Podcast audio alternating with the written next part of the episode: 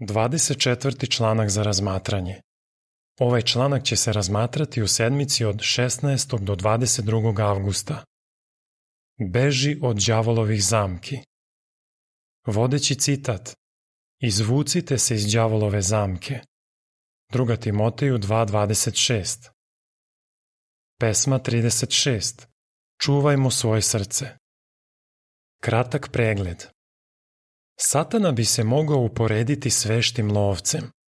On nam stalno postavlja zamke, bez obzira na to koliko dugo služimo Jehovi. Iz ovog članka ćemo saznati kako Satana pokušava da iskoristi ponos i pohlepu da bi nas odvojio od Boga.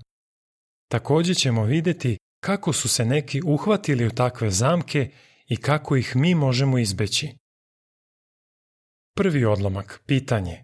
U kom smislu je satana poput lovca? Lovac ima samo jedan cilj, da uhvati ili ubije svoj plen. Zato koristi različite zamke ili klopke, što je opisano i u Bibliji. Šta lovac radi da bi namamio životinju u zamku? On je pažljivo posmatra da bi otkrio kuda se kreće, šta voli i u koju zamku će se najverovatnije uhvatiti. Satana je poput tog lovca. On nas posmatra i trudi se da zapazi kuda idemo i šta nas zanima. Zatim postavlja zamku za koju misli da je nećemo prepoznati. Ali čak i ako upadnemo u neku od njegovih zamki, Biblija pokazuje da možemo pobeći iz nje. Takođe nas poučava kako da pre svega izbegnemo satanine zamke. Drugi odlomak, pitanje. Koje su dve najefikasnije satanine zamke? Dve najefikasnije satanine zamke su ponos i pohlepa. U fusnoti piše Objašnjenje izraza. U ovom članku se ponos odnosi na previsoko mišljenje o sebi.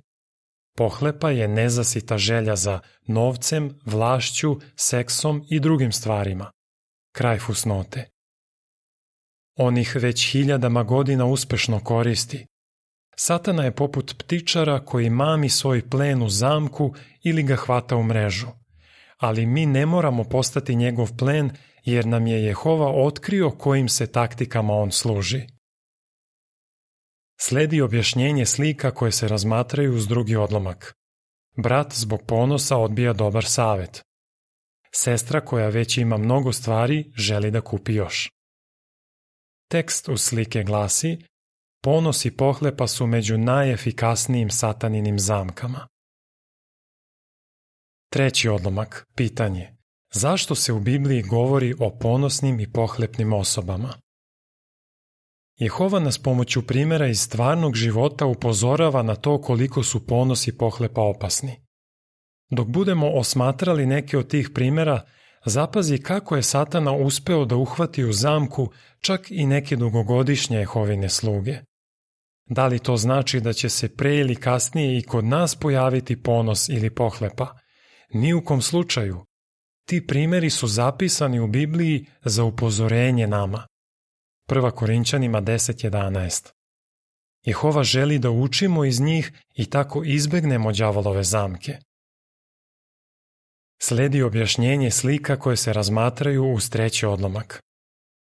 Ponos je iskvario jednog anđela i kralja Oziju. Pohlepa je navela Evu da jede ploca zabranjenog drveta, Davida da počini preljubu s Vicavejom, a Judu da krade novac. Tekst u slike glasi Iz biblijskih primera možemo naučiti kako da izbegnemo satanine zamke ili da se izbavimo iz njih. Ponos je zamka. Četvrti odlomak, pitanje. Do čega vodi ponos? Satana želi da se u nama razvije ponos. On zna da ćemo, ako ponos ovlada nama, postati kao on i izgubiti večni život. Zato je apostol Pavle upozorio na to da se neko može uzoholiti i primiti istu osudu kao i đavo. 1. Timoteju 3, 6 i 7 To se može desiti svakome od nas, bilo da smo novi u istini, bilo da već godinama služimo Jehovi. Peti odlomak, pitanje. Prema propovedniku 7, 16 i 20, po čemu se vidi da je neko ponosan? Ponosni ljudi su sebični. Satana pokušava da nas navede da mislimo više na sebe nego na Jehovu, naročito kad se nađemo u teškoj situaciji. Primera radi, da li te je neko optužio za nešto što nisi uradio? Da li si doživeo nepravdu? Satana bi voleo da počneš da kriviš Jehovu ili svoju braću. Osim toga, želi da te navede da misliš da je jedino rešenje da uzmeš stvari u svoje ruke, umesto da postupaš u skladu s vođstvom koje ti Jehova pruža u svojoj reči. U propovedniku 7.16 piše Ne budi suviše pravedan, niti previše mudar. Zašto da sam sebe upropastiš? U 20. stihu piše Nema na zemlji pravednog čoveka koji čini samo dobro i nikad ne greši. Šesti odlomak, pitanje. Šta možeš naučiti iz onoga što je rekla jedna sestra iz Holandije? Razmisli onome što je ispričala jedna sestra iz Holandije, koju su mane drugih toliko nervirale da više nije htela da bude u njihovom društvu. Ona kaže, bila sam veoma usamljena i nisam mogla da promenim mišljenje o njima. Rekla sam mužu da treba da pređemo u drugu skupštinu. Ali tada je gledala našu mesečnu emisiju za mart 2016. U njoj je bilo reči o tome kako treba da gledamo na mane drugih. Sestra kaže, shvatila sam da treba da budem ponizna i da iskreno priznam da i ja grešim, a ne da pokušavam da promenim braću i sestre u skupštini. Ta emisija mi je pomogla da razumem da nisam najvažnija ja, već Jehova i njegovo pravo da vlada. Šta učimo iz toga? Kad imaš neki problem, nemoj izgubiti Jehovu iz vida. Moli ga da ti pomogne da na druge gledaš poput njega. Tvoj nebeski otac vidi njihove greške, ali spreman je da im oprosti. On želi da i ti uradiš isto. Sedmi odlomak, pitanje. Šta se desilo kralju Oziji? Judejski kralj Ozija je zbog ponosa odbacio savet i drsko postupio.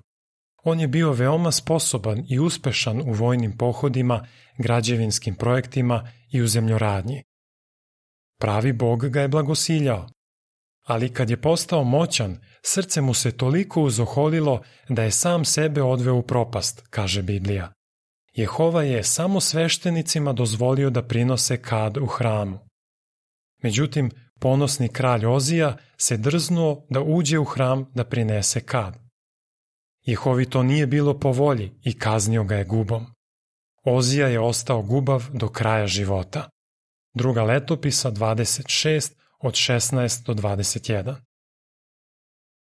Osmi odlomak, pitanje. Kako će nam ono što stoji u prvoj Korinćanima 4, 6 i 7 pomoći da ne postanemo ponosni? Da li bismo zbog ponosa mogli upasti u istu zamku kao kralj Ozija? Pogledajmo šta je doživeo Jose.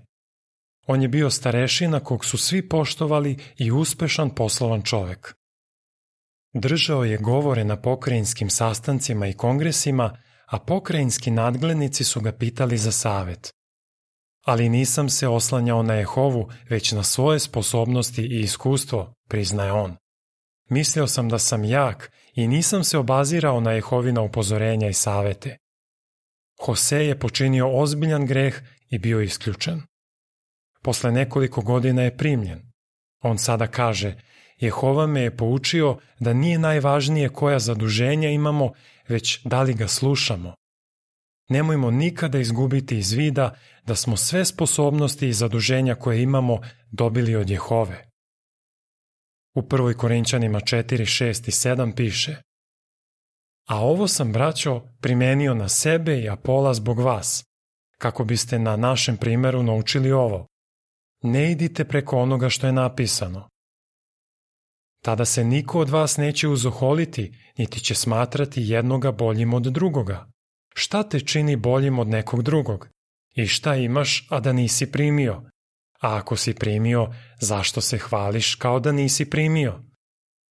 Ako smo ponosni, nećemo biti ni od kakve koristi u Jehovenoj službi.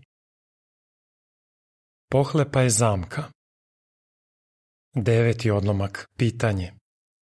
Na šta je pohlepa navela Satanu i Evu? Kada je reč o pohlepi, verovatno najpre pomislimo na satanu đavola. Dok je bio Jehovin anđeo, sigurno je imao mnoge važne zadatke, ali to mu nije bilo dovoljno. Želeo je da mu drugi iskazuju čast kakvu samo Jehova zaslužuje. Satana želi da nas navede da budemo nezadovoljni onim što imamo i da postanemo pohlepni poput njega. To je prvi put pokušao kad je razgovarao sa Evom. Jehova je Evi i Adamu podario obilje ukusne hrane. Mogli su da jedu sa svakog drveta u vrtu, osim s jednog. Postanak 2.16. Pa ipak, Satana je naveo Evu da misli da joj je potreban plod baš s tog drveta. Eva nije cenila ono što je imala, želela je više. Znamo do čega je to dovelo. Počinila je greh i s vremenom je umrla. Deseti odlomak, pitanje. Kako je David zbog pohlepe upao u zamku? Jehova je kralju Davidu dao mnogo toga. Bogatstvo, vlast i brojne pobede nad neprijateljima. David je bio zahvalan za to i rekao je da Božih darova ima toliko da ne bi mogao da ih nabroji. Ali kasnije se u njemu javila pohlepa i više nije bio zadovoljan onim što mu je Jehova dao. Već je imao nekoliko žena, a poželeo je tuđu, iako je znao da je to pogrešno. To je bila Vicaveja, žena Urije Heteina. Da bi zadovoljio svoju sebičnu želju, David je spavao s Vicavejom i ona je zatrudnela. Preljuba je sama po sebi bila težak greh, ali on je zatim učinio nešto još gore. Organizovao je da Urija bude ubijen. Kako je moguće da je David uradio tako nešto? Zar je mislio da ga Jehova ne vidi? Taj verni Jehovin sluga upao je u zamku pohlepe i to ga je skupo koštalo. Ali on je kasnije priznao svoj greh i pokajao se. Sigurno je bio veoma zahvalan kad mu je Jehova oprostio. 11. odlomak, pitanje. Prema Efešanima 5, 3 4, kako se možemo boriti protiv pohlepe? Šta učimo iz onoga što se desilo Davidu? Ako smo zahvalni za sve što nam Jehova daje, nećemo postati pohlepni.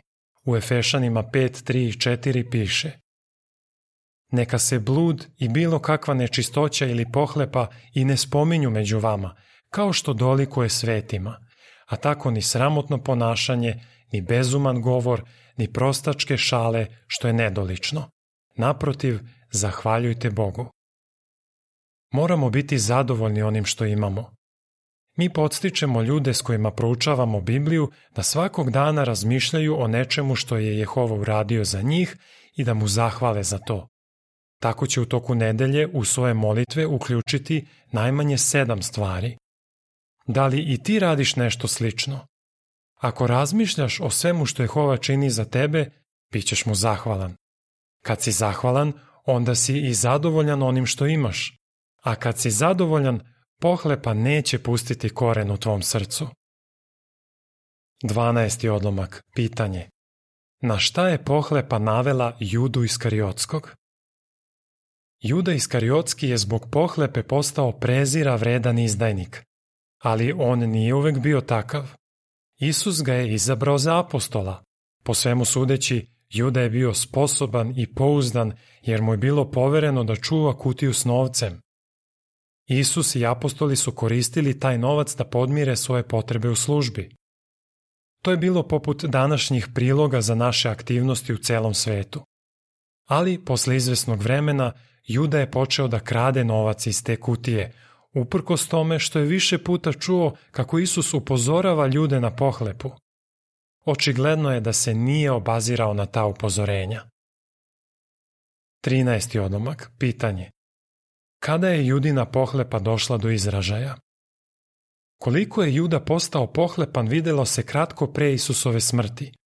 Isus je sa svojim učenicima, među kojima su bile Marija i njena sestra Marta, bio u gostima kod gubavca Simona. Tokom večere Marija je ustala i izlila na Isusovu glavu skupoceno mirisno ulje. Juda i ostali učenici su se naljutili zbog toga. Učenici su govorili da bi bilo bolje da je to ulje prodato i novac dat siromašnima. Ali Judin motiv je bio drugačiji. On je bio lopov i hteo je da ukrade taj novac. Kasnije ga je pohlepa navela da izda Isusa za sumu koja je odgovarala ceni za jednog roba. 14. odlomak, pitanje. Kako je jedan bračni par postupio u skladu s rečima iz Luke 16.13? Isus je rekao svojim sledbenicima, ne možete robovati Bogu i bogatstvu. U Luki 16.13 piše, Nijedan sluga ne može robovati dvojici gospodara, jer ili će jednog mrzeti, a drugog voleti, ili će jednom biti privržen, a drugog prezirati. Ne možete robovati Bogu i bogatstvu. To važi i za nas danas. Pogledajmo kako je jedan bračni par iz Rumunije postupio u skladu sa Isusovim rečima. Bio im je ponuđen privremeni posao u jednoj razvijenoj zemlji. Oni kažu, otplaćivali smo veliki kredit i zato smo u početku pomislili da je taj posao blagoslov od Jehove. Međutim, postojao je jedan problem. Ako bi prihvatili taj posao, imali bi manje vremena za služenje Jehovi. Pre nego što su doneli odluku, pročitali su članak Ostanimo verni Jehovi nepodeljenog srca u stražarskoj kuli od 15. avgusta 2008. Oni kažu, ako bismo se preselili u drugu zemlju samo da bismo zaradili više novca, time bismo pokazali da nam prijateljstvo s Jehovom nije najvažnije u životu. Bilo nam je jasno da bismo duhovno oslabili. Zato su odbili tu ponudu. Šta se potom desilo?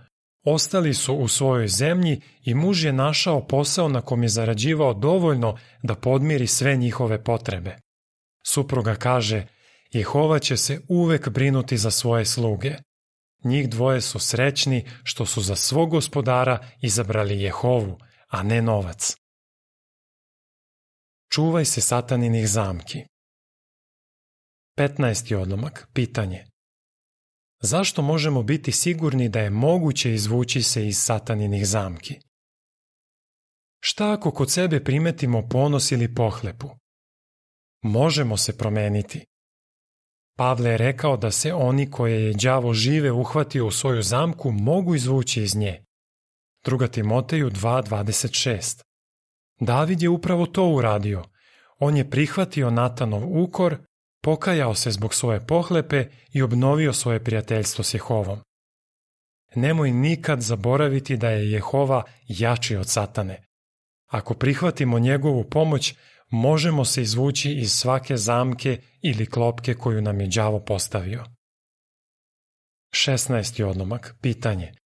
Kako možemo izbeći satanine zamke?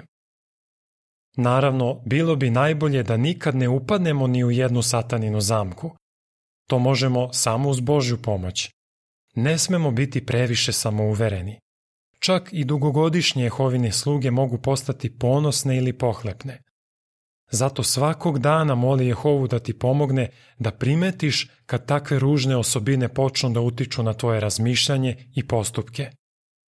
Nemoj nikad dozvoliti da se ponos ili pohlepa ukorene u tvom srcu. 17. odlomak, pitanje.